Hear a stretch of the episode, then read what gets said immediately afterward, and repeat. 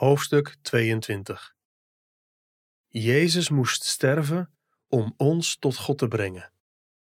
Want ook Christus heeft eenmaal voor de zonde geleden. Hij die rechtvaardig was voor onrechtvaardigen, opdat hij ons tot God zou brengen. 1 Petrus 3, vers 18. Maar nu, in Christus Jezus, bent u die voorheen veraf was, door het bloed van Christus, dichtbij gekomen. Efeze 2, vers 13. Alles bij elkaar genomen is God zelf het evangelie. Evangelie betekent goed nieuws. Het christelijk geloof is niet in de eerste plaats theologie, maar nieuws. Christenen kun je vergelijken met krijgsgevangenen die via een verborgen radio horen dat de geallieerden zijn geland.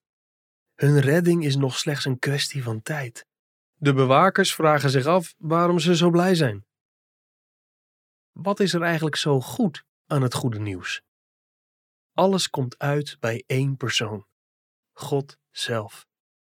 Alle woorden van het evangelie leiden naar Hem. Anders is die verkondiging geen evangelie. De verlossing is bijvoorbeeld geen goed nieuws als die je alleen redt van de hel en je er niet bij God uitkomt. Vergeving is geen goed nieuws als ze alleen de schuld wegstreept maar niet de weg naar God opent.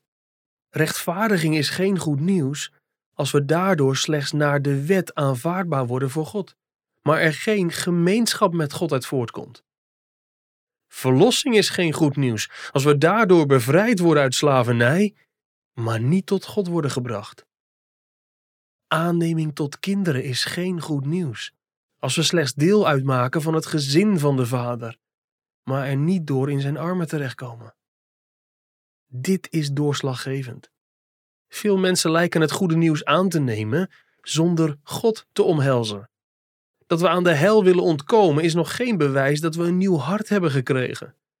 Dat is een natuurlijk verlangen waar niets geestelijks in hoeft te zitten. Je hebt geen nieuw hart nodig om naar vergeving, naar het wegnemen van Gods toorn of naar het beërven van Gods wereld te verlangen. Al die dingen zijn begrijpelijk, ook zonder enige geestelijke verandering. Je hoeft niet wedergeboren te zijn om deze verlangens te hebben. De demonen verlangen er ook naar. Het is niet verkeerd om er naar te verlangen. Het is juist dwaas als je er niet naar verlangt. Het bewijs dat we veranderd zijn, is dat we naar die dingen verlangen, omdat we daardoor van God gaan genieten. Dat is de belangrijkste reden waarom Christus is gestorven. Want ook Christus heeft eenmaal voor de zonde geleden, hij die rechtvaardig was voor onrechtvaardigen, opdat hij ons tot God zou brengen. 1 Petrus 3, vers 18. Waarom is dit de kern van het goede nieuws?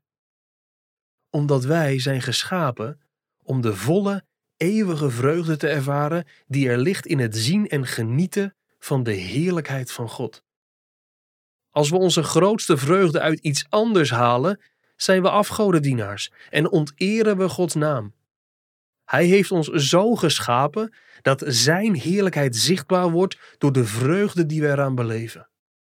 Het evangelie is het goede nieuws dat God, ten koste van het leven van zijn zoon, alles heeft gedaan wat nodig was om ons te trekken naar wat ons eeuwig en in steeds toenemende mate gelukkig zal maken namelijk zichzelf. Lang voordat Christus naar de aarde kwam, openbaarde God zichzelf als de bron van volle, eeuwige vreugde. U maakt mij het pad ten leven bekend. Overvloed van blijdschap is bij uw aangezicht. Liefelijkheden zijn in uw rechterhand, voor altijd. Psalm 16, vers 11. Toen zond hij Christus om te lijden en te sterven opdat Hij ons tot God zou brengen. Dit betekent dat Hij Christus zond om ons de diepste, duurzaamste vreugde te schenken die een mens kan beleven. Luister dan naar Zijn uitnodiging. Keer je af van het tijdelijke genot van de zonde, Hebreeën 11 vers 25, en kom tot overvloed van blijdschap voor altijd. Kom tot Christus.